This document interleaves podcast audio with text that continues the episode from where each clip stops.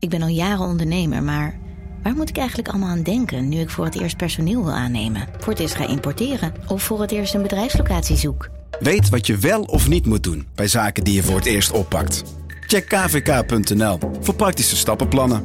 KVK, hou vast voor ondernemers.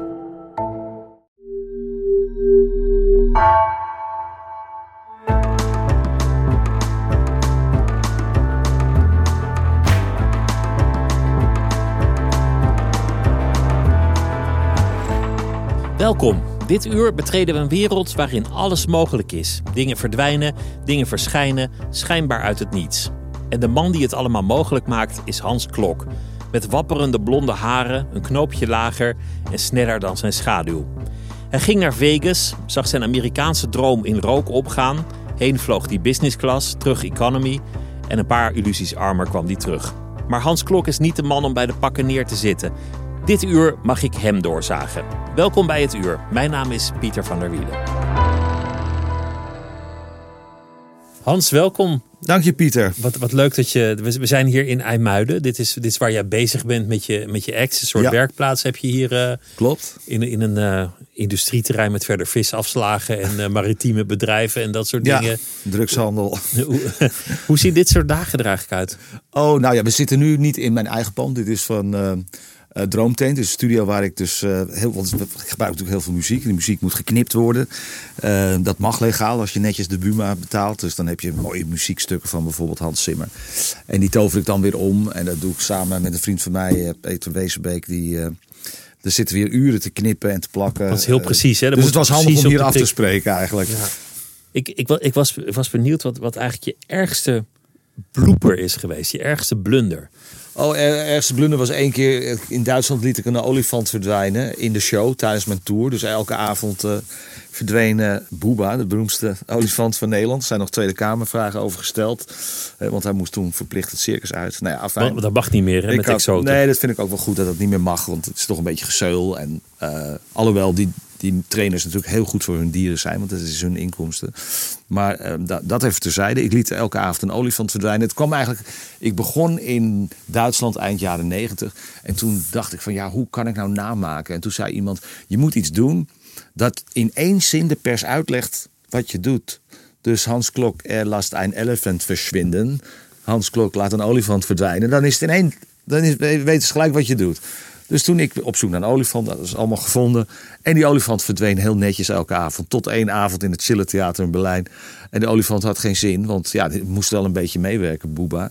Maar die dacht, ik blijf lekker staan. Ja, en dat zijn wel momenten, dan verdwijnt hij niet. En dan zou je willen dat je, ja, dat je zelf verdween. Dat je jezelf kon wegmaken. Dat je, Ja, dat je er niet stond. Dat je, dat Ja. je een ander vak had gekozen. Ja. Dat je niet geboren was. Want, want, want het is natuurlijk, je bouwt zo zorgvuldig op naar die ontknoping. En als die ontknoping dan uitblijft, is het meteen lelijk. Ja, ja dan is er niks meer. Dan, dan is Ja. de diepte onder je voeten ineens gigantisch. Ja. En een illusionist vergeef je ook niks, want hij bedriegt je, weliswaar legaal. Je betaalt ervoor om bedrogen te Je worden. betaalt ervoor om bedroogd te worden, maar dan moet dat wel heel goed zijn. Dus, dus dat geeft ook wel een beetje stress. Weet je. Dat maakt het altijd spannend als we optreden. Want je denkt, ja, eh, mensen betalen ervoor om voor de gek gehouden te worden, maar dat moet wel heel goed zijn. Terwijl een, een pianist die een noot mist, dat is ook heel Ja. erg. Maar die, dan kan je nog denken, ach nou ja, één noot. Verder was het nog wel mooi. Ja, nou ja, die vergeef je, want je hebt zelf ook wel eens achter een eh, keyboardje gezeten of een piano. Dat heeft iedereen wel eens gedaan, dus ik denk, oh, dat is best wel moeilijk. Maar wat is de moeilijkheidsgraad van een illusionist? Dat weet je niet, want het is allemaal geheim. Daarom zou ik het wel eens willen uitleggen, dat van jongens, zo moeilijk is het. Maar ja, goed, dan is de lol er vanaf. Eh, het is, eh, mensen vragen wel eens, is het nou kunst? Nou ja, ik vind kunst een groot woord, maar het is heel kunstig. Het is kunstig. Er zijn een hoop kunstjes achter elkaar.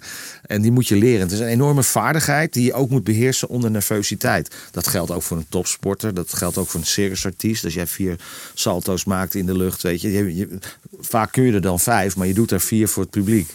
Je moet altijd boven de techniek staan. Dat je eigenlijk nog iets beter bent dan wat je laat zien. Maar, maar het ziet er zo makkelijk uit. En, en juist Ja. omdat, het zo, omdat je het zo goed doet, ja, lijkt het zo makkelijk. Als, als, een, als iemand die er niet zo goed in was het zou doen, zouden we meteen doorhebben Ja. dat het eigenlijk heel moeilijk is. Ja, dan zit je met kromme tenen. Dat, maar dat is hetzelfde als dat je een sla- slechte zanger ziet of zo. Ja, die vergeef je dan ook wel weer. Dan zeg je, ja, want iedereen zingt. Jij en ik, we zingen allemaal onder de douche. En eh, een zanger die dan een noot mist of zo, zeg je, ja, die is verkouden. Of, eh, ik heb in mijn vak ook geen playbackband. Wat een, eh, Je kan je nergens achter verschuilen. Nee, het is altijd live. Het eh, dan zeggen ze, ja, we gaan doen een grote staatsloterij live. Eh, Durf je dat? Ja, het is altijd live voor mij. En ehm vocalisten, zeker vroeger, die verscholen zich vaak achter... nou, die stem zit even niet. We doen het even met de tape, heette dat nog. Met de band, de, de Rayfox eh, en dan playback eh, nou ja, goed. Weet je, daar kan je dan wel eens jaloers op zijn. Aan de andere kant is de concurrentie in de wereld van vocalisten duizend keer groter dan in die wereld van illusionisten. Onze vijver is veel leger. Dus dat geeft ook weer veel meer voordelen. Plus dat ik veel makkelijker internationaal kan opereren. Want een goede illusionist is overal welkom. En een zanger of zangeres moet eerst een hit hebben voordat hij welkom is in dat land. Ehm, ja, dus dat. Het heeft voordelen. Maar je zou wel eens willen uitleggen aan het publiek, bij uitstek wat je niet doet, Ja. maar, maar je eigen trucs willen verraden. Ja, ja, ja. Dat verlangen is er wel om, om te laten zien dat het eigenlijk heel moeilijk is. Ja, precies. Nou ja, dat, dat, dat, eh, dat zou ik wel willen. Maar door eh, YouTube, aan de ene kant kan ik niet uitstaan dat veel dingen worden uitgelegd. uitgelegd hè? Dus hoe de act, hoe de truc werkt, hoe de illusie werkt. Het geheim wordt vaak op YouTube, zie je heel veel oplossingen. Weliswaar heel vaak zitten ze naast, maar oplossing is een oplossing. En je merkt wel dat mensen nu veel meer het waarderen. Magic is heel populair geworden eigenlijk de afgelopen jaren. In, eh, in Amerika, de winnaar van Got Talent, America's Got Talent, is al twee keer een magician geweest. Hè, die moet het toch opnemen tegen die eh, populaire zangers en zangeressen. Want mijn broer zegt altijd...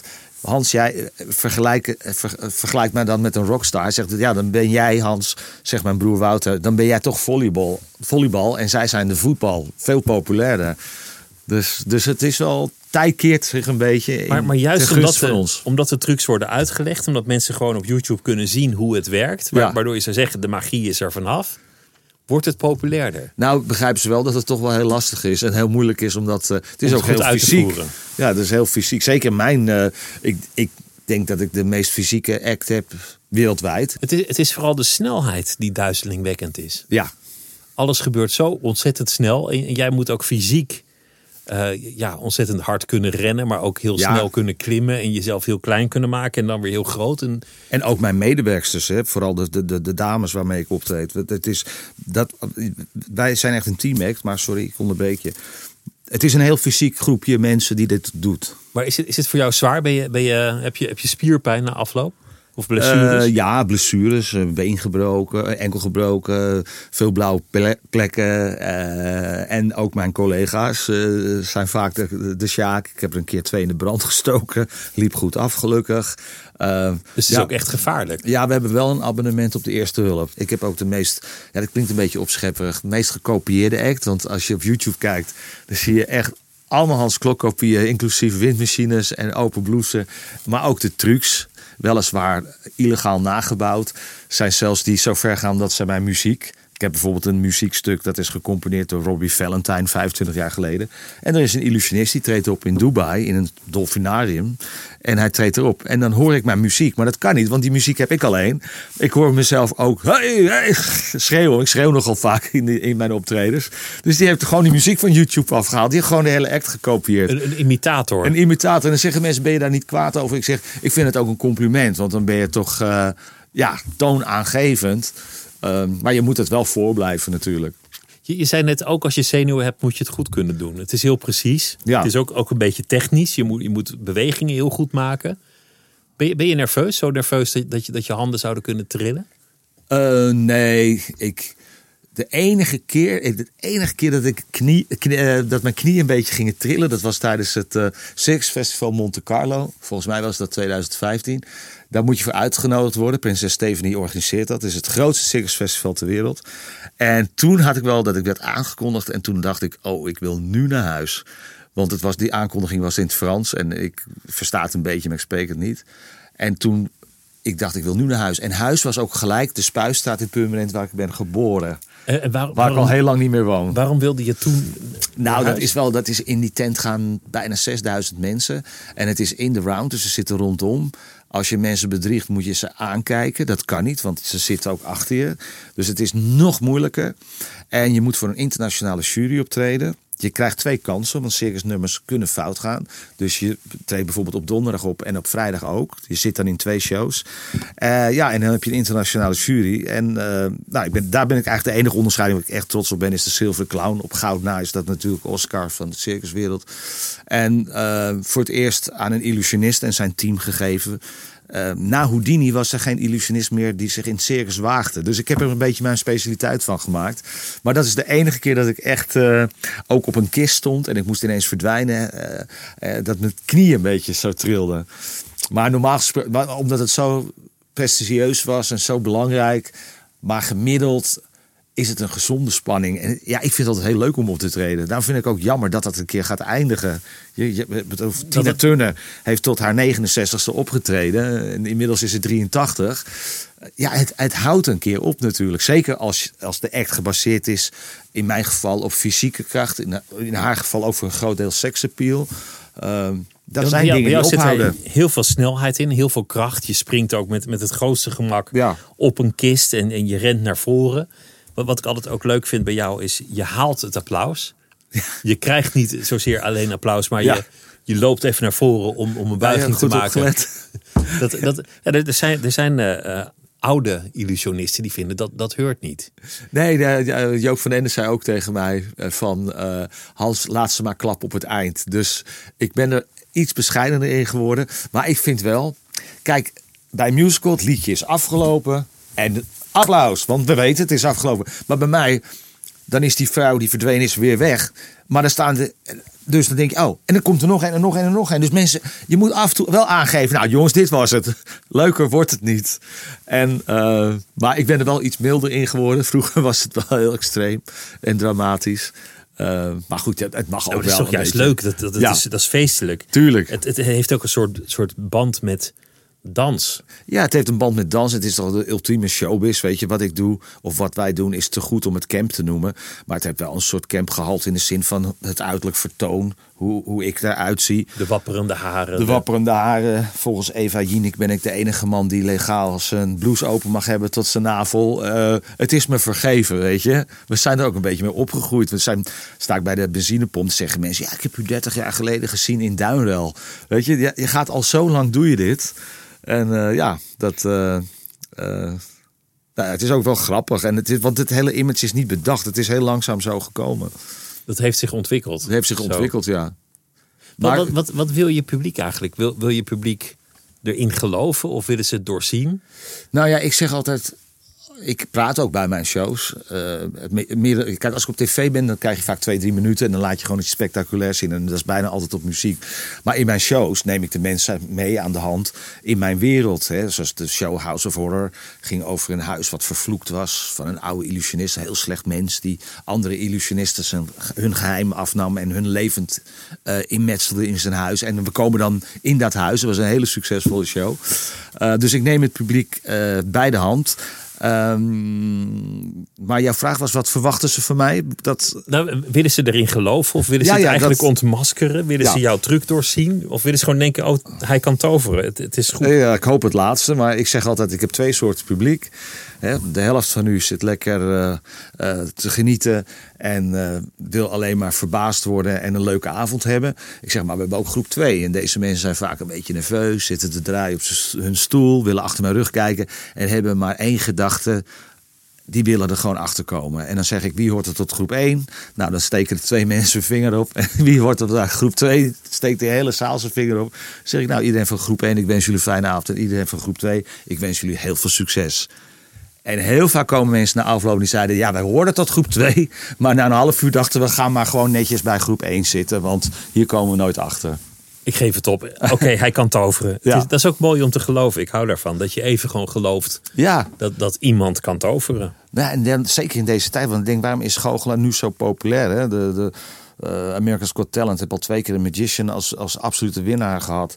Eh, en, en die beide eh, hebben een eigen show nu in Las Vegas. Ik denk dat we zitten in crisisjaren. Eh, Houdini, die is gestorven in 1926, dus bijna 100 jaar geleden. Dat waren ook de crisisjaren. En in de crisisjaren willen mensen geloven in een bubbel. Die willen even uit die zorgen. Hè. We- heel, iedereen, de hele wereld heeft nu zorgen. Kunnen we onze energierekening betalen? eh, alles wordt duurder en iedereen gaat minder verdienen.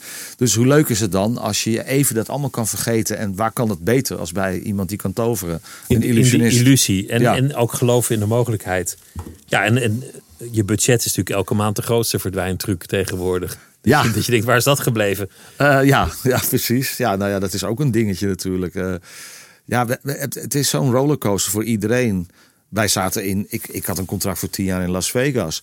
En na een hele moeizame opstart in 2019 ging dat in 2020 iets beter. En eindelijk had ik weer beet, een grote vis aan de haak. Want Ellen DeGeneres, die had ik dus een bericht gestuurd. En die zei, kom maar. Ik was er al vijf keer geweest in die talkshow. En dan mag je daarin optreden. Nou ja, dat was letterlijk, dat was 13 maart 2020. Zit je bij Ellen DeGeneres, doe je die act. En die, eh, dat team eh, wat dat allemaal organiseert, zei: nou, als je weer een goede act hebt, dan kom je weer terug. Nou, ik was er al vijf keer geweest, heb ik verteld. Dus ik denk, als ik nou elk jaar drie keer bij Ellen zit, eh, met mijn tienjarig contract, Vegas op zak, dan ben je gewoon binnen drie jaar een household name. Want dan word je ook voor Good Morning America gevraagd voor andere shows. Maar twee dagen na de Ellen Show ging de wereld op slot. Wij nog zes maanden daar zitten wachten. En toen zei ik tegen mijn vriendin: van, ik zeg, we gaan gewoon naar huis, want dit wordt het niet meer. Uh, dus ja, dan zeggen mensen wel, je hebt heel veel pech in je leven gehad. Maar ik vind, ik heb ook heel veel geluk gehad. Maar, maar dit, dit lijkt me een hele grote nederlaag. Als je, als je Nou, daar je niks echt je doen. droom najaagt. Ja, ja, shit happens, zeg ik dan. Ja, dit was wel heel zuur. Maar ehm, het was heel zuur, maar de hele wereld was de klos. En in precies dezelfde periode, want ik werk heel lang met mijn medewerkers. Nathalie Hoop, vandaag eh, gedenken we haar sterfdag, twee jaar geleden. Uh, dus we komen straks ook allemaal bij elkaar met iedereen die haar goed gekend heeft. En uh, zij zou meegaan naar Las Vegas, zou haar dochtertje meenemen. Ze zou het wel parttime doen, want uh, omdat zij niet fulltime in Vegas, maar dan steeds een paar weken komen. En nou ja, ze is uiteindelijk overleden aan, aan baarmoederhalskanker. maar dat hele ziektebed tijdens die corona, die laatste maanden, die hele heftige maanden. Dat ging samen met dat we nooit meer optraden. En dat Las Vegas was veranderd in een spookstad. Het was, alles was geba uh, gebarricadeerd. De, want ze hebben, uh, Vegas was vergeten dat een deur ook een slot heeft. Want dat heeft een casino niet. Het casino is 24 uur per dag open. Dus daar hoeft geen slot op te zitten. Dat hadden ze zich nooit bedacht. Dus ze moesten heel snel houten schotten voor plunderaars en alles. Politie op die strip. Al het licht uit. Maar tijdens die ellende vond ik die persoonlijke ellende van haar. En dat ze dat misschien het leven moest loslaten. Dat was volgens duizend keer erger. Dus, dus dat relativeerde eigenlijk ook de, dat heeft mij de ontmanteling de, van je, ja, dat van heeft, je droom. Dat heeft de corona zo gerelativeerd. Want ik zit hier weer. Ik ga overmorgen gewoon weer twee optredens doen op zaterdag. Maar zij is hier niet meer, weet je. En uh, nou ben ik wel dat ik geloof dat, ze, dat zij ergens is en wel, dat wel meekrijgt. Maar ze had gewoon hier moeten zijn. Weet je, we doen vanavond een bijeenkomst die we niet hadden moeten hebben. Dit is een hele emotionele dag voor jou. Ja, dat vind ik wel moeilijk. Ja, ik was dat, dat, ja, 21 jaar mee de wereld rondgereisd. En een jonge moeder, weet je, met jonge kinderen. Dat is niet goed. Dat is tegen de natuur. Maar je, je, bent, je bent 30 jaar bezig, zei je net? Nee, veel langer. Uh, Uh, nou ja, nou ja met tiende begonnen. Dus op je tiende 43 begonnen. jaar. En je, je had altijd die hele grote droom. Ja. Om, om, om de grootste ter wereld te worden, om beroemd Ja. te worden. Nou, dat, dat, er is natuurlijk heel veel gelukt. Ja, Maar, maar uiteindelijk ook ja, een faillissement en, en dan het avontuur in Vegas. ja, Het, het lijkt alsof of elke keer als, als eindelijk die droom helemaal bewaarheid wordt, ja. Dat die weer, weer knapt, weer spat. ja, maar ja, dat is, dat is dan jammer. Maar iedereen was de klos. Ook eh, eh, iemand die een klein Italiaans restaurantje heeft. En de, eh, de helft daarvan is over de kop gegaan. Weet je, dan heb ik nog geluk. Ik kom terug naar Nederland. Weliswaar berooid. Want in Vegas, als je niet werkt, dan stopt ook de geldkraan. Er is niks Wat, je ging dat eh, gebied geregeld. business class heen en Ja. economy class terug, toch? Ja, met twee katten op schoot. Ja, ja, en ook de tragiek, want Natalie overleed vandaag. Dus vandaag, ik weet nog, ik zat, we zaten s'avonds, ik met Den, ik- zat naar iets te kijken over Jan Smit, een documentaire of zo. En ik ken die jongen natuurlijk ook al mijn hele leven. Ehm, eh, dat je elkaar vaak tegenkomt. En toen zag ik ineens die telefoon, Pepijn, Pepijn. Tien oproepen, dat is de man van Natalie, tien oproepen gemist. Dus toen, ik bel hem terug en toen vertelde hij, ze is overleden. En toen zei ik tegen Den, we gaan morgen naar huis. We zaten al in een situatie van hè, wat je kent als je gaat verhuizen. Dat je slaapt op een matras op de grond. We hadden de spullen al met zeecontainers teruggestuurd. Maar wij bleven, we zouden tot 15 november blijven. En uiteindelijk zijn we 5 november teruggevlogen. En de volgende dag, want het moest allemaal heel snel, want dat was dat de laatste nog dat mensen nog met 30 of 130 mensen of zo bij elkaar mochten komen. Dus ook haar, plechtigheid is heel snel. Dat was, ik, uh, we kwamen aan op Schiphol. De volgende dag was de plechtigheid. Dus het was allemaal heel heftig. En, uh, maar nogmaals, dat heeft voor mij de corona gerelativeerd. En ook het leven. Ja, uh, shit happens. Ja, jammer. Je hebt tien jaar contract en na anderhalf jaar uh, begint corona. Het heeft helemaal geen zin om nu terug te gaan naar Las Vegas. Want Las Vegas, ze missen de Russen komen niet meer, de Aziaten komen niet meer. Dus ze moeten het alleen maar hebben van local publiek. Dat is te weinig. Uh, en in Nederland, ja, ik werd eigenlijk wel met open armen ontvangen. Eerst... Maar is het, is het echt zo nuchter dat je denkt, ach nou ja, oké, ik leef nog. Er zijn grotere dingen, er zijn ergere dingen. Ja, dat droom is gespat. Dat heb ik dan wel. En gewoon door. Ja, ik vind het wel als mensen zich heel erg... Uh, uh, ja, weet je, als, je niet, als niet elk plaatje van jou op nummer 1 komt, dat er eentje op nummer 5 komt, weet je, kunnen mensen zich daar heel erg zorgen om maken. Denk, ja, what the fuck, weet je. Uh, nogmaals, Nathalie is hier niet meer, wij zijn er nog wel. En je krijgt weer kansen. Ineens werd ik gevraagd voor zomergasten. Nou, heel Nederland van de VPO viel, viel van zijn stoel. Want wat moet een entertainer, en zeker een Hans Klok, in zomergasten, weet je? Dat was bijna beledigend hoe mensen daarop reageerden. Dat, dat ze dat echt Echt. Dat is ook weer heel dogmatisch van de, van ja, de vrijzinnige ja. omroep trouwens, maar goed. Absoluut. En toen die uitzending er uiteindelijk was, toen draaide iedereen in de grachtengordel, inclusief en alles weer helemaal om. Toen had ik ineens allemaal nieuwe fans erbij. Want toen dachten, oh, hij kan nog praten ook. En hij heeft ook nog een verhaal. En, uh, dus dat heeft heel veel goeds gedaan. Daardoor kwamen weer heel veel andere dingen op mijn pad. Uh, toen kwam Alberto Althoff, die zei: Hans, je moet gewoon het circus weer in. Mensen gaan, durven niet meer theater in, maar wel het circus. Nou, dat is gebleken. Dat is een groot succes. Ook dit jaar hebben we dat weer gedaan, vier maanden lang. Toen kwam de Harbor Club, die zeiden: Theater, we willen het symbolisch aan jou geven. Dus ineens had ik twee banen. Maar goed, dat ging, dat ging ook weer dan dicht opeens. Ja, maar, nou maar het lijkt steeds alsof je in de buurt komt van, van je droom. Ja. De vraag die ik eigenlijk zou willen stellen: is die droom uiteindelijk wel zo belangrijk? Is, is het wel de bestemming? Of heb je gewoon zoveel plezier in de reizen naartoe dat die bestemming niet eens meer uitmaakt? Eh, de reis naartoe is altijd het leukst natuurlijk. Als je, als je de bestemming hebt gehaald, dan ben je daar. Ja, dan is het, kan het ook heel saai zijn. En dan moet je ook maar op die bestemming zien te blijven. Dus dat is een. Uh, ja, het is wel. Uh, je hebt wel gelijk dat je steeds vaak dichtbij komt. Uh, maar, maar dat dan, is, dat is niet erg. Of verkeerd management ja. of een, slechte zakelijke deal. En nou dan ja, is alles verdampt. En want je, want je woont nu in, in een woonwagen, toch? Of nee, nee, ik heb wel een oké okay huis in Bloemendaal. maar ik vind, een, uh, ik vind het leven in een woonwagen fantastisch. Dat vind ik, zou niks anders meer willen. Want je wordt wakker.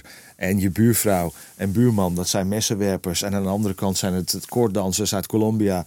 En omdat het een kleine ruimte is, je zet koffie en je, een minuut later sta je buiten koffie te drinken. En eh, met de Colombianen dit, dit jaar die spraken geen Engels, maar met Google Translate kom je een heel eind en met handen en voeten. En die romantiek, en dan kom je misschien weer terug bij die ambitie dat vond ik zo leuk. En het was zo succesvol. En we eindigden op Kijkduin. Stonden we drie weken op het strand. Een circus op het strand. Was nog nooit gebeurd. Dat kan in principe niet. Want je kan geen haring in de grond slaan. Dus we moesten allemaal containers met zand vullen in een kring. En daar hebben we die tent aan gestrapt. Maar in die bloedhete dagen, het kon niet op. Mensen bleven, het zat bomvol. En dan, dan, is er een hoop om dankbaar voor te zijn. En dan kun je wel zeggen, ik wil zo graag terug naar Las Vegas. Kijk, het is jammer. Maar ik heb het nu twee keer gedaan. Dus misschien die derde keer dat het dan. Uh, dat het toch een keer gaat lukken. Door het dak gaat. Ja. Maar ja, goed, misschien word ik er dan te oud voor hoor. Want je dat, moet... Ja, want dat zei je net. Het is heel zwaar. Ja. Maar wanneer begon die droom? Wanneer heb je eigenlijk je voorgenomen dat je beroemd wilde worden, de beste wilde worden, dat je op het hoogste podium wilde staan? Hoe, nou, hoe oud was je toen je dat wist? Ik had als kind wel dan. Dan uh, ging ik met uh, deken sprei om. En dan ging ik zo buigen in mijn kamertje. En toen, een keer stonden mijn ouders toevallig stonden achter in het trappengat. En die zeiden, wat ben je aan het doen? En toen zei ik, ja, ik bedank het publiek. Nou, toen was ik een jaar of zeven of zo. En toen ging ik goochelen, maar niet de intentie om daar beroemd mee te worden of bekend mee te worden, helemaal niet. Maar later dacht ik, ja, als je theater in wil, moet je bekend zijn. Anders weten mensen niet wie je bent. Dan kopen ze geen kaartje. Dus ik had wel zo rond mijn 19e, 20e jaar door dat dat wel een, dat dat een soort van must was. Om, om een imago, om een imago op te bouwen. Marketing. Maar ik zei, ik, als kind heb ik wel gezegd, maar dan was ik heel jong van ik wil beroemd worden. En dan zei mijn moeder, Gerda, mijn moeder zei altijd, nou kind, dan moet je de paus doodschieten. Ben je, ben je binnen een dag beroemd? Zei ze altijd. Bekend, berucht. Ja. ja, precies. Maar ja, ook beroemd gelijk. Ja, Maar, maar, is dat ook dat- beroemd? Nee. Maar beroemd worden was een doel op zich. Nee, niet, niet, eh, niet zoals veel mensen dat nu, wat ik wel eens zie, dat ik jammer vind bij eh, mensen zeggen, ja, ik wil beroemd worden. Beroemd op zichzelf is niks. De familie Kardashian is, is ook beroemd. Ik heb geen idee wat ze doen. Ik heb natuurlijk jaren met Pamela Anderson, die, nou, nu zit ze dan in de musical Chicago, maar ze hebben natuurlijk 30 jaar van haar carrière, ze hebben één keer in een serie gezeten. Daarna was ze gewoon beroemd om beroemd. Hoe lekker is dat, weet je? Hoef je niet eh, elke dag eh, naar die loods en muiden en, eh, te schilderen en te oefenen. Ehm, ja, ik vind, maar, ik had wel door dat het me verder hielp. En ik had een strategie. Je had in die tijd nog video's. En dan had ik, ik was toen een duo, Hans Klok en Sita. Hadden onze act op laten nemen. Eh, haar toenmalige vriend, dat was Robin de Levita. En die werkte bij Joop van Ende. En toen mochten wij een keer in het decor van André van Duin... een video mocht van Joop van Ende, mochten onze act filmen. En die act die stuurde ik naar alle omroepen. En, zo, en toen dacht ik, als ik nou twee keer per maand op tv kom... Weet je, dan worden we steeds bekender. En dat, zo is het eigenlijk ook gebeurd. Maar ik had de mazzel toen wij, toen ik samen, zeker met Sita, dat we dat eh, daarvoor, ja, dat was gewoon ook een hele goede act hadden we samen. En het variété was verdwenen, er waren geen acts meer te boeken. Wij kwamen bij een boekerskantoor, eh, bij, bij Rocket, wat ook René Vroger deed. Dat zat in hun hoogdagen. En Sylvie van der Akker, die werkte bij Rocket, die deed mijn management. En ik dacht, ik, ik kom gewoon René Vroger bijna elke dag tegen. Niet weten dat het gewoon koppelverkoop was. Want Vroger was zo ge- geliefd. Maar wilde je hem boeken, moest je Hans Klok en Sita erbij boeken. Dus het is gewoon, ja. En, en je moet de massa hebben dat je dat soort mensen natuurlijk ook in je leven, zoals een Sylvie Want dat, dat komt er allemaal bij kijken. Maar, tegenkomt. maar het, het verlangen was zichtbaarheid. Ge- gezien worden. De ogen op jou gericht hebben. Nou, ik ging natuurlijk optreden in die, in die sorry, ik ging optreden in die evenementencircuits en ehm, toen had ik wel door als, als ik optrad dat het publiek pas na vijf minuten interesse had in wat ik deed. Ja, ze vonden de saté in het koud buffet belangrijker dan de goochelaar illusionist die een act ging doen.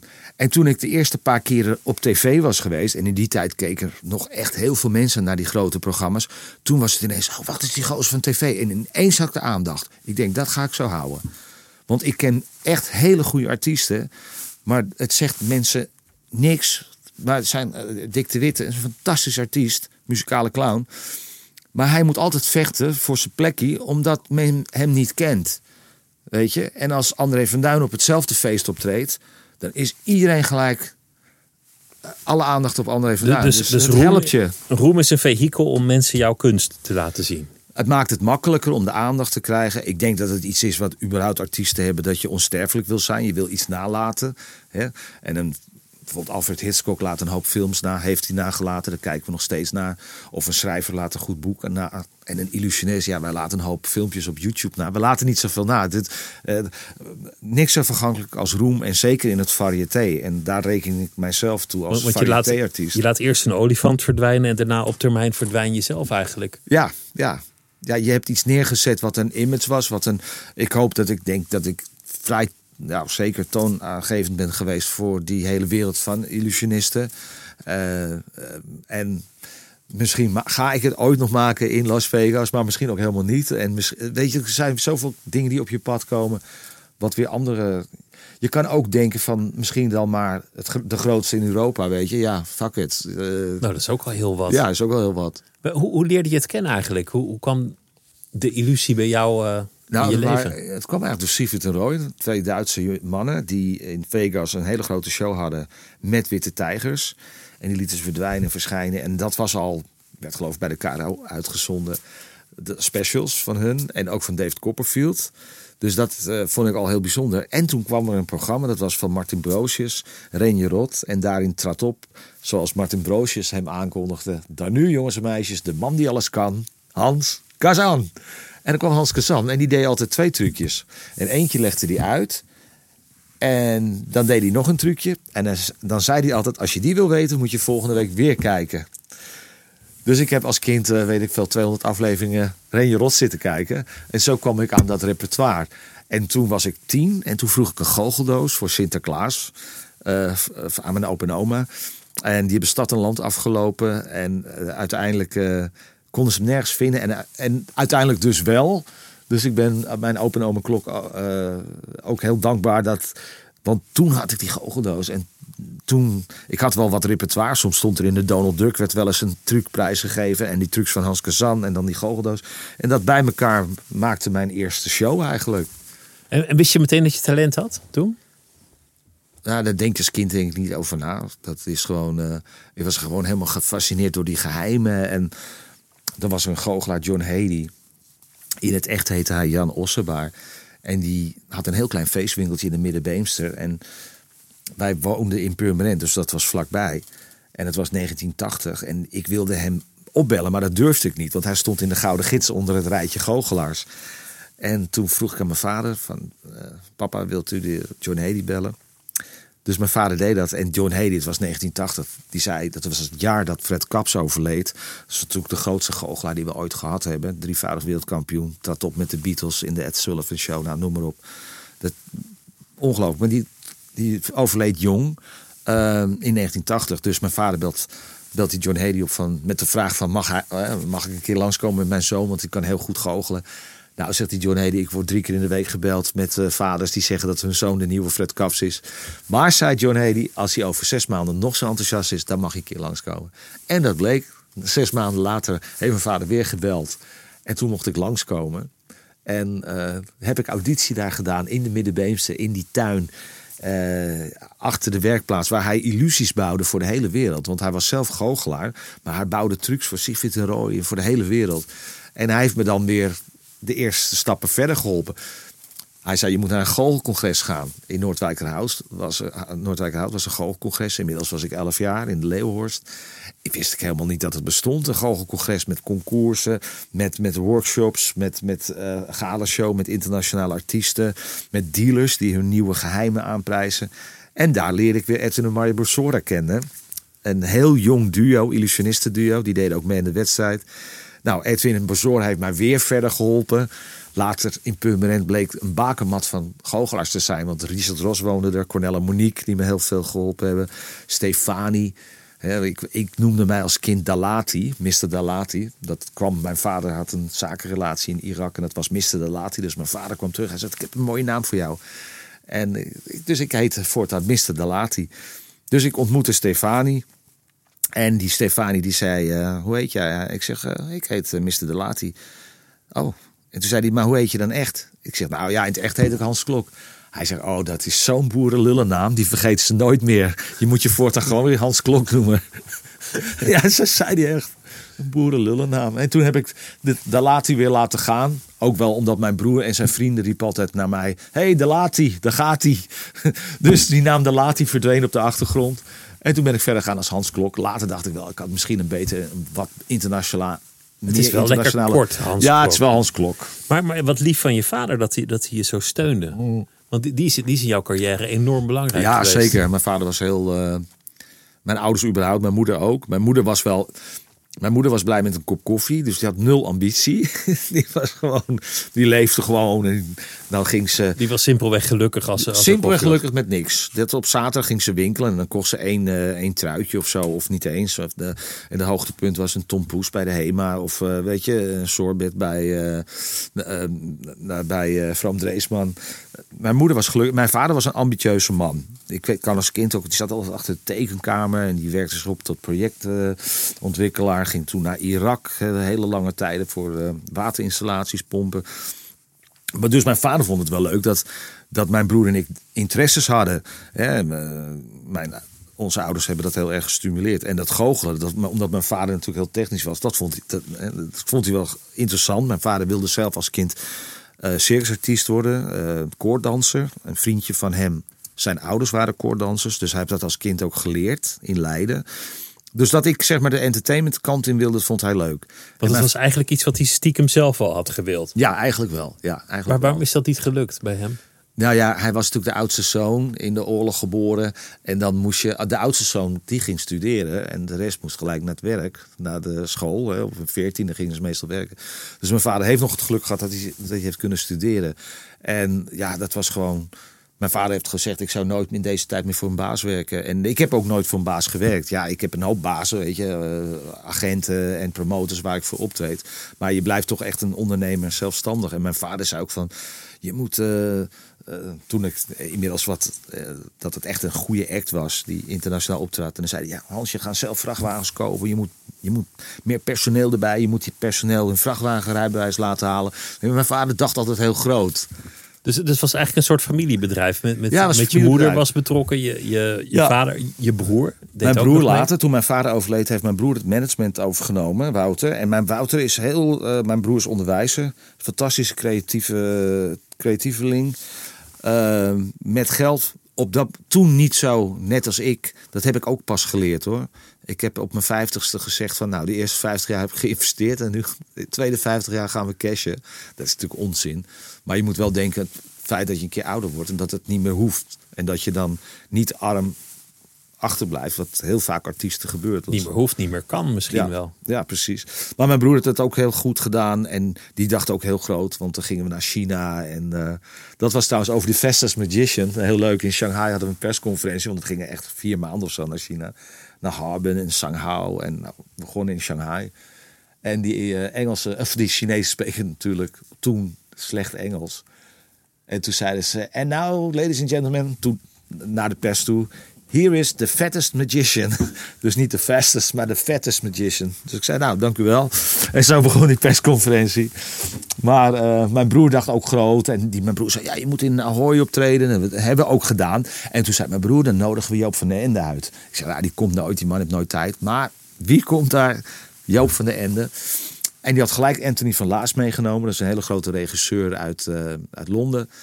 En voor ik het wist zat ik bij, eh, bij Joop van den Ende onder de hoede. En eh, maakte een show die uiteindelijk naar Las Vegas ging met Pamela Anderson en zo. Dus ook mijn broer heeft een hele goede... Ja, het is wel een familiebedrijf. En Maar, nu maar ook- jouw, broer, jouw broer die was directeur van een school. En Ja. toen, daarna werd hij weer leraar. Want je hebt hem op een zeker ogenblik moeten laten gaan. Ja, Dat, dat lijkt me pijnlijk. Als je eigen familieleden... Nou ja, ontslaan is het misschien niet, maar... Mm. ja, als je mijn broer kent moet- is dat niet zo moeilijk. Want mijn broer is wel heel nuchter. En heel... eh, kijk, mijn broer had gezorgd voor het contact met Joop van Ende. Dat had hij natuurlijk nooit moeten doen. nee, maar Joop van Ende zei... Ja, ik wil niet een, allemaal eilandjes in mijn bedrijf. Dat we een Hans Klok eilandje hebben. Waar eh, zijn broer in zit en die erin zit en die en die en die. Eh, hij zegt, we willen Hans. En, en dan de mensen die op toneel staan. Maar niet het management eromheen. En dat heb ik mijn broer verteld. En die eh, zei, nou Hans, gefeliciteerd ik denk dat mijn broer het prima vond. En dat in de, in de documentaire gemaakt door Antoinette Beumer, die volgde mij drie jaar.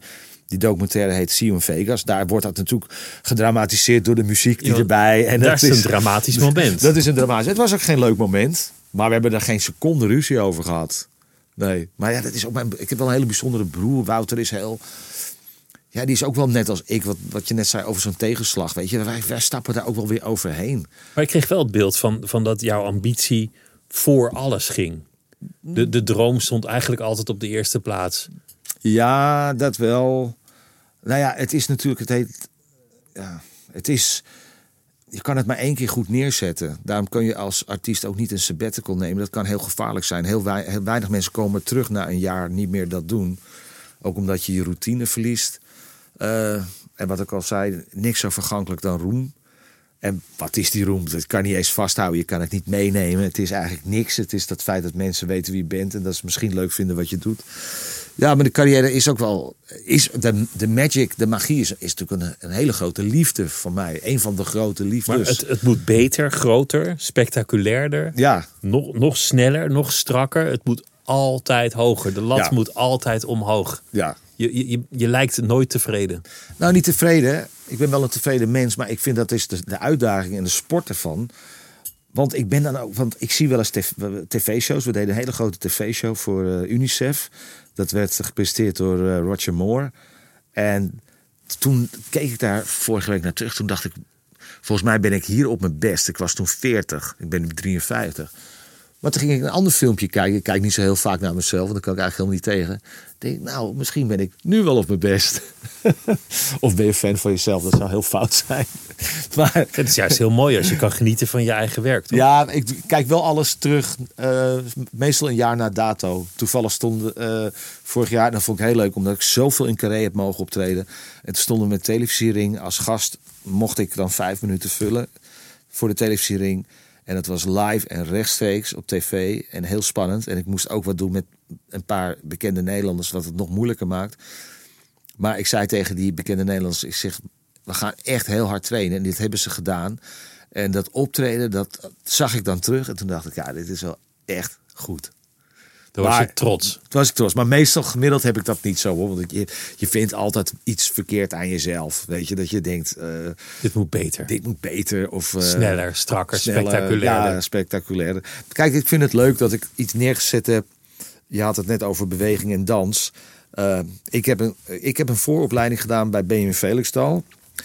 Dat was de, een solist bij het Nationaal Ballet. En die begon een eigen dansschool. Omdat Stefani zei toen... als je artiest wil zijn, dan moet je goed kunnen bewegen. Dus je moet op klassiek ballet en jazz en dat... Nou, mijn ouders die zeiden, ja, dat moet je doen Hans. Dus ik vanuit Permanent op de bus daar naartoe. En mijn ouders kwamen, ik was heel jong, kwamen me altijd s'avonds heel laat ophalen. En dat deed ik vijf dagen in de week en op zaterdag de hele dag. Dat was de opleiding, de dansopleiding, voordat je de echte dansopleiding hebt.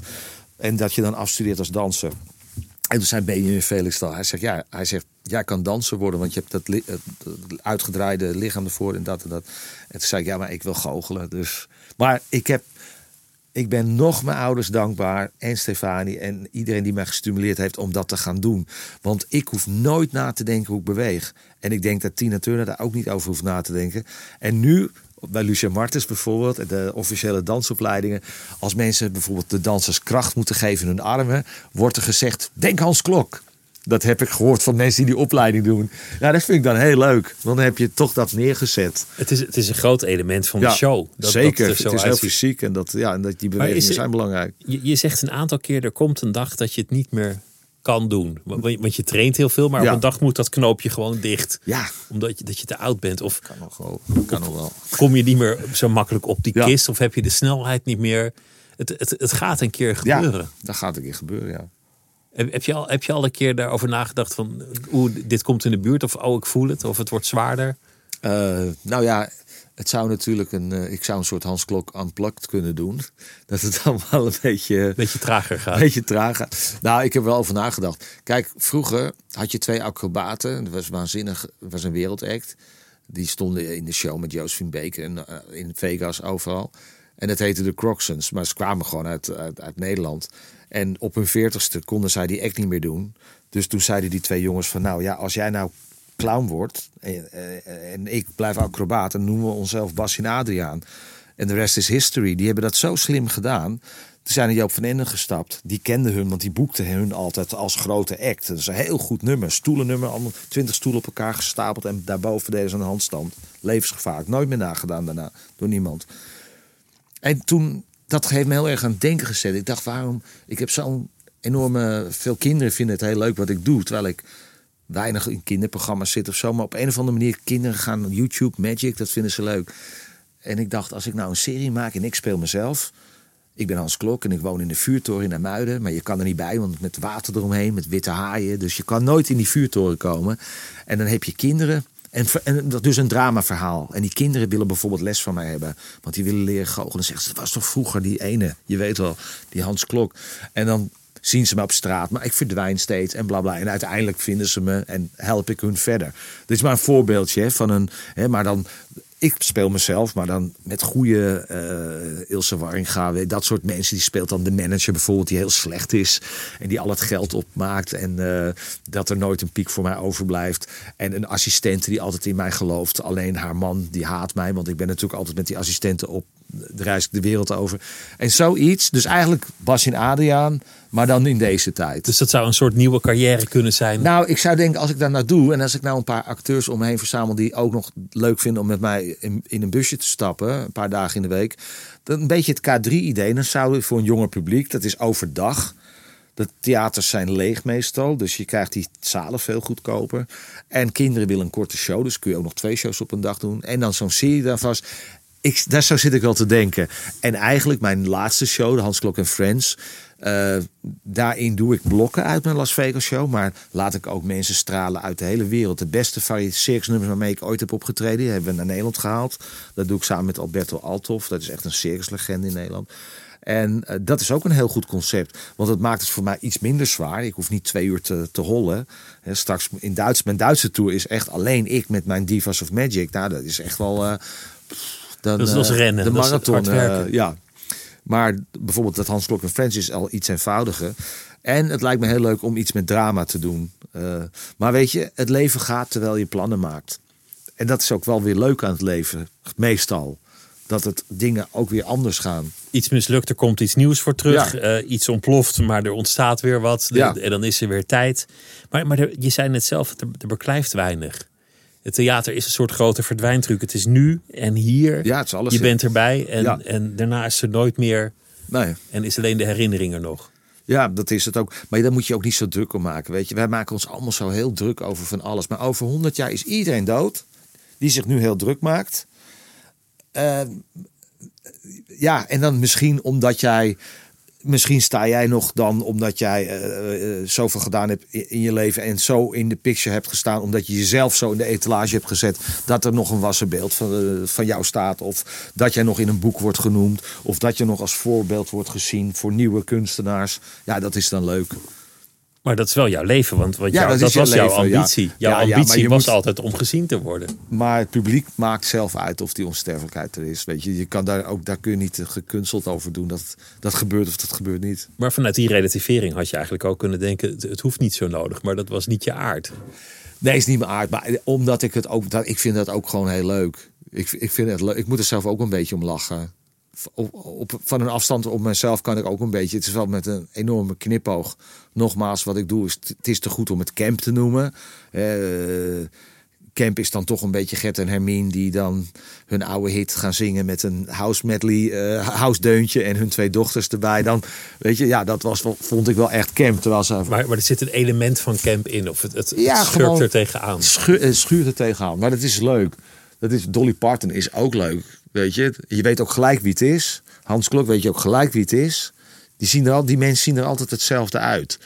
En, en, en dat is de, de, het leuke van showbusiness. Dat het toch, eh, To- Toch weer die illusie eigenlijk. toch de illusie, ja. Ik heb heel lang gewerkt voor Stardust, Circus International. Eigenlijk brachten ze mij weer terug in de circus. Bij Henk van der Meijden natuurlijk, die vroeger eh, grote journalist van de Telegraaf.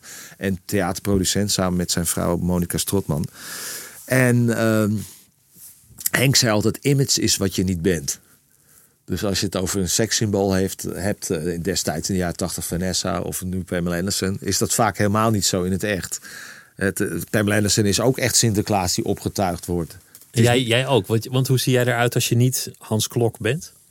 Eh, nou, nou, nou, ik denk dat ik wel op mezelf lijk, maar ik, ik ben wel nog echt van de old school, mag ik van, mocht ik van Henk nooit zeggen, maar wij zijn nog echt wel van sminken en je haar en, echte kostuums aan.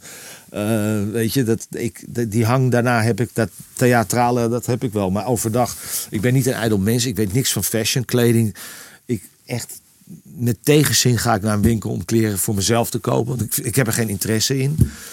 En wat je op toneel draagt is een soort uniform. En ik heb Tigo Boeker, die eh, ontwerpt al 100 jaar mijn- kleding. En voor de dames is het heel gevarieerd die om mij heen zijn. En bij mij is toch altijd een te strakke broek en een blouse open tot mijn navel. En het is of een wit of een zwarte blouse. Dus het is vrij, vrij ja, echt een uniform. Eh, maar ik vind dat leuk. Ik vind dat eh, grappig. Ik merk ook dat mensen dat leuk vinden. Gelo- Geloof jij, geloof jij in, in magie en betovering in, in het ware leven buiten het theater? Want, want dat is natuurlijk de illusie die je verkoopt, is dat het, Ja. dat het zomaar kan. Dat iemand kan Ja. verdwijnen en terugkomen, dat je je vingers knipt en het zijn er ineens twee. Of het zijn er nul, net was het nog Ja. een olifant en nu is die er niet meer. Je kan iemand door midden zagen, je kan iets in brand steken. Alles, alles wat normaal niet kan. Ja, Je, je bent een soort almachtige op het podium die al die kunsten wel be- bezit. ja. Maar, maar geloof, geloof jij ook in betovering in het, in het alledaagse? Nou zeker. Het is, ik vind het hele leven überhaupt onverklaarbaar. Dat, dat is eigenlijk al een soort gekke illusie. Dat is al een, illusie. magie. Soms denk ik wel eens, zitten we, nog, zitten we nog in dit leven of zitten we al in het volgende? Weet je, dat, eh, geen idee. Het is, überhaupt, als je, als je slaapt, dat je verder droomt. Is dat dan ook als je dood bent? Dat je toch je, dat, dat de, de, de, de ziel, de gedachten verder gaan? Onverklaarbaar. Ik vind eigenlijk het hele leven überhaupt onverklaarbaar. Dat we op zo'n klein blauw bolletje in de rand van het universum zitten. En, en Ja. ons daarvan bewust lijken te zijn. En Ja, en- komen en weer gaan. ja, geen idee of reïncarnatie bestaat. Ik geloof wel. Want net zei, net zei je toen het over, over Nathalie ging van...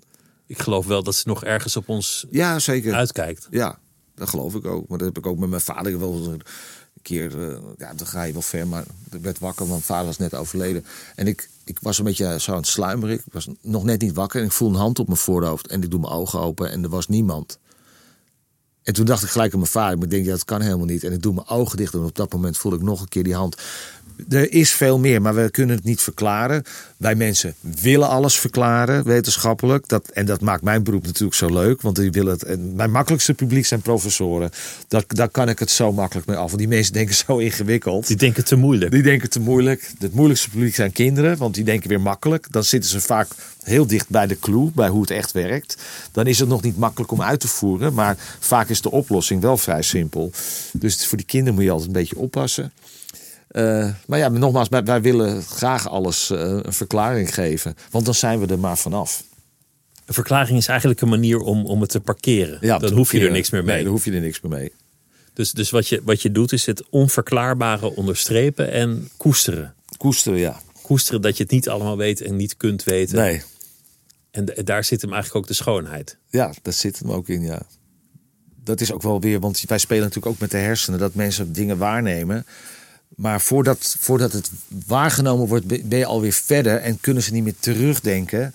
Dus zou je dan terug op films, dan denk je, oh, nu flikt hij het. Maar er zitten nog drie stappen. Fred Kaps was daar het grootste voorbeeld van. Komen nog drie stappen voordat hij wat hij daar heeft gedaan, daar tevoorschijn komt. Nou, dan gaan we een beetje te veel technisch in mijn beroep eh, praten. Maar eigenlijk, eigenlijk is de beperking waar je gebruik van maakt het brein. ja, Of, of de, zinsbegoochelen, zo heet het Ja, ook in het de woordenboek. zintuigen. Ja, goochelen met de zintuigen. Je, je zei net, dan ga je, ging je naar, als jongen naar een goochelcongres. En, en daar werden dan ook trucs verkocht. Dus Ja. dan had je mensen die niet zozeer zelf op het podium staan. Maar Ja. die trucs ontwikkelen Ja, voor anderen. voor, voor anderen. Ja. En, en dat is nog steeds zo. Want jij koopt Nou, Ex, of hoe- hoe werkt ik koop dat? niet heel vaak ex meer. Dat vroeger wel gedaan. Maar je hebt natuurlijk op, op een gegeven moment ga je ook dingen zelf bedenken. Of je maakt combinaties van oude ex. Ook we gebruiken nog steeds geheimen van Houdini. Nog elke avond. Trucs die nog steeds werken. Ja, Gewoon. die nog steeds werken. Ehm, er zijn altijd van die pareltjes. Bijvoorbeeld Harry Blackstone. Dat was in de, ook precies vorig jaar, eh, vorig jaar, voor 100 jaar geleden. Harry Blackstone was weer een hele grote vriend van eh, Houdini en van Chaplin. Dus dat was al, waren allemaal heel close met elkaar in Hollywood. Houdini, Harry Houdini leefde ook in Hollywood. En ehm, Blackstone die kon een gloeilamp laten zweven. Dat was heel mooi. En Chaplin heeft daar de muziek bij gezocht. Moonlight Madonna. Dat is een heel, heel oud nummer, wat niet heel populair is. Klassiek nummer. Blackstone heeft die, dat, dat ontwikkeld, die gloeilamp. Ja, die bestond ook maar net. Eh, dat was heel bijzonder. Hij kon hem laten zweven met een hoepeltje eromheen om te bewijzen dat hij aan niks vast had. Hij heeft dat later aan zijn zoon gegeven, Blackstone Junior. En die maakte, ging nog een stap verder, dat die gloeilamp. Dan zei hij: Oh, u kunt het niet zien achterin. En dan zei hij altijd: Please watch, but don't touch. En dan ging die gloeilamp met een bloedgang over het publiek tot achter in de zaal. En dan kwam die weer heel langzaam terug door die hoepel. En dan pakte Blackstone. En dat was het eind van de truc. En ik heb met Harry Blackstone opgetreden in 1988 in Blackpool. In de Winter Garden. Dat is het grootste theater van Europa. Daar wordt ook weer zo'n goochelcongres gehouden. Dat wordt elk jaar in februari gehouden. Dat is de enige keer dat ik hem gesproken heb. Of niet eens gesproken. Hij stond naar mij te kijken in de coulissen. En later stond ik zelf in de coulissen. En toen tikte hij me op de schouder. En toen zei hij... Good job, boy. Dat is het enige wat hij tegen mij gezegd heeft. Good job, boy. En ehm, Dat, dat is een mooi compliment. Van, was een mooi compliment. Niet lang daarna is hij gestorven. Maar die gloeilamp, ja, waar was dat? Dus ik heb zijn vrouw, ben in contact op mee gaan zoeken, Gay Blackstone. En ze zegt, ja, maar ja, die gloeilamp, wil, dat geheim wil iedereen weten. Ze zegt, het is van mijn schoonvader, die heeft het aan mijn man gegeven. Ze zegt, ik ben de enige die het nog weet.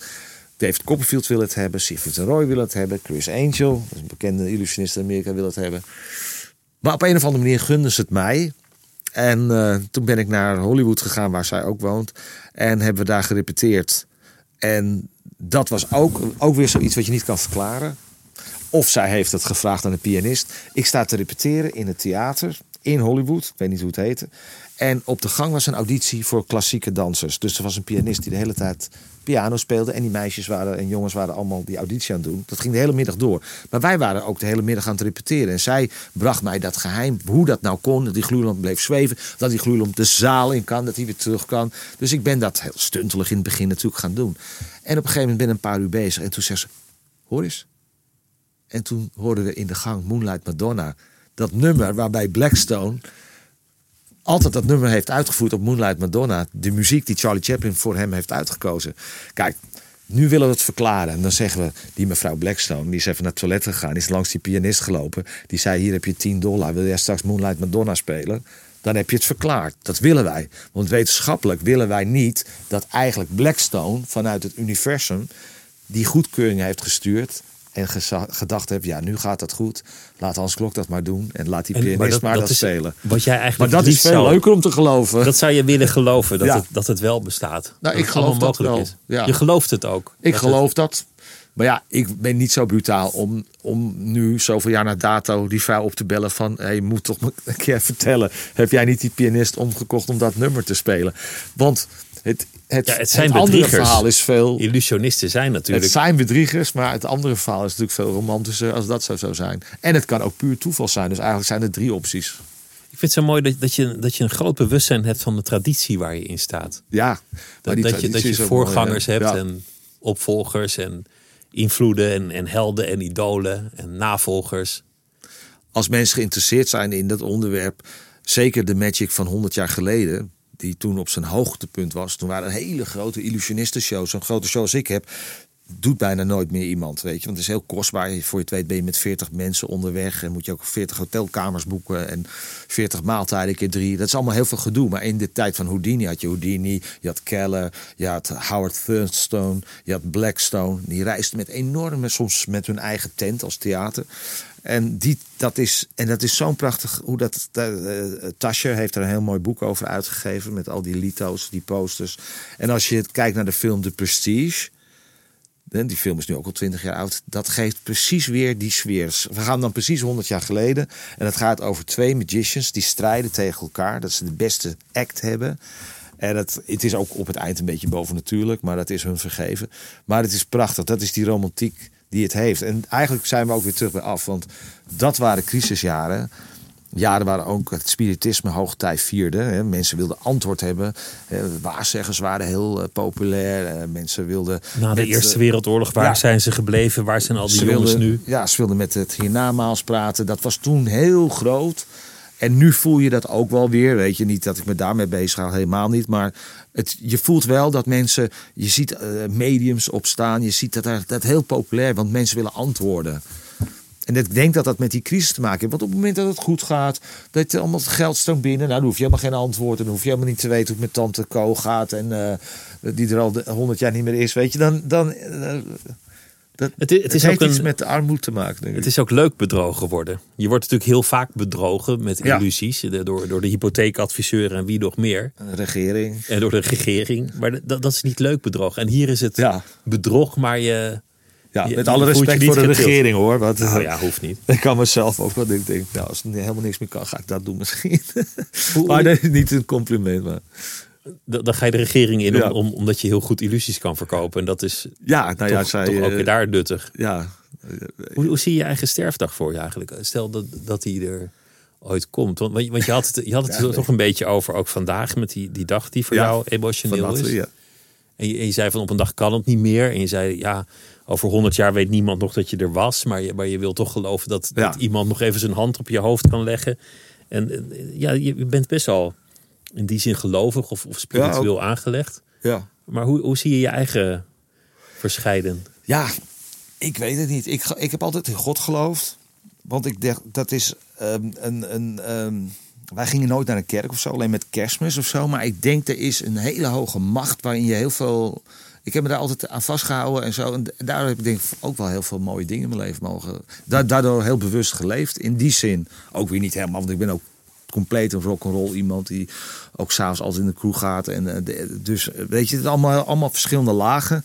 Maar ik geloof wel dat, dat er een tijd is dat het. Uh, nou ja, dan, dan hoop ik maar, die, hoop ik dat ik mijn ouders weer zie en, en, en Nathalie. En eh, dat hoop ik. En hoe dat dan is, is dat dan een energie dat je elkaar voelt? Of is het helemaal niet zo? En heel veel mensen, mijn vriend zegt gewoon: nee, dood is dood, dan is er niks meer. Dan is het gewoon één zwart gat. Nou, het zou, misschien is dat ook maar het beste. Ik weet het niet. Ik zou het mooiste zijn. Maar dat is natuurlijk ook de wens van de gedachte. Maar je zegt, ik heb ook bewust geleefd. In, in welke zin is dat dan? Dat, nou, dat ik me daaraan vasthield. Aan, aan, aan het feit dat ik dacht, ja, ehm, je leeft maar één keer. En dit houdt een keer op. Dus daarom moet je alles daarin proppen. Ik zie heel veel mensen om me heen die helemaal niks van hun leven maken. Uh, te jong trouwen, te vroeg kinderen. Voor je het weet zit je met de verkeerde schoonfamilie bij Centerparks. Uh, en en is, is er niks van je dromen uitgekomen.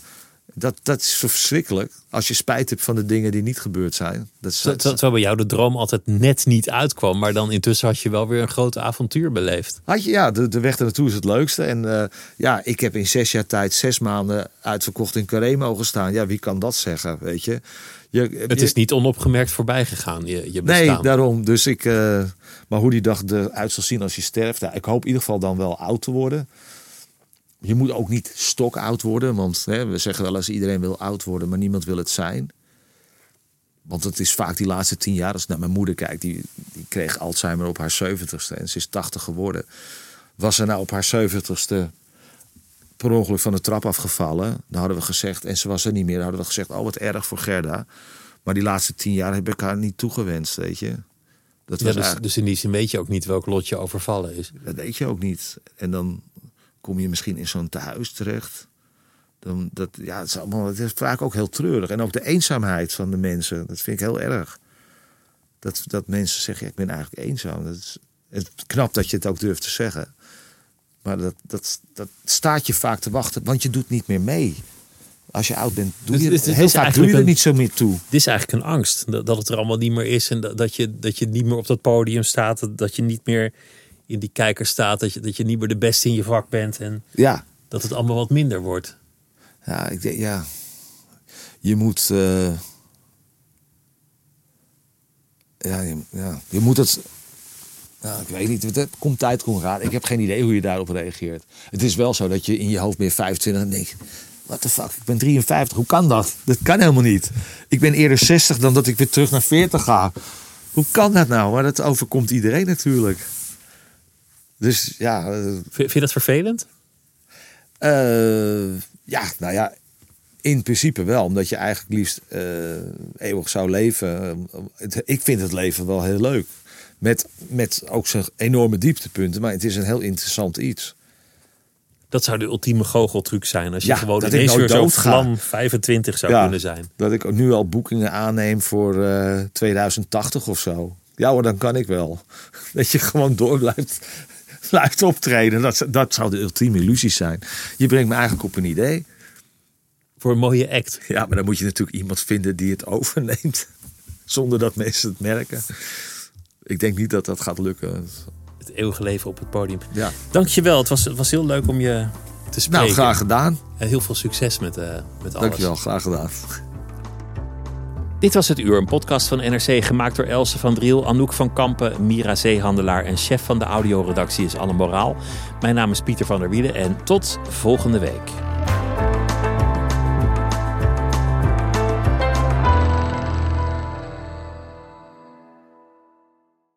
Technologie lijkt tegenwoordig het antwoord op iedere uitdaging. Bij PwC zien we dit anders. Als we de potentie van technologie willen benutten kunnen we niet zonder een menselijk perspectief. Human-led, tech-powered noemen we dat. Ga naar pwc.nl.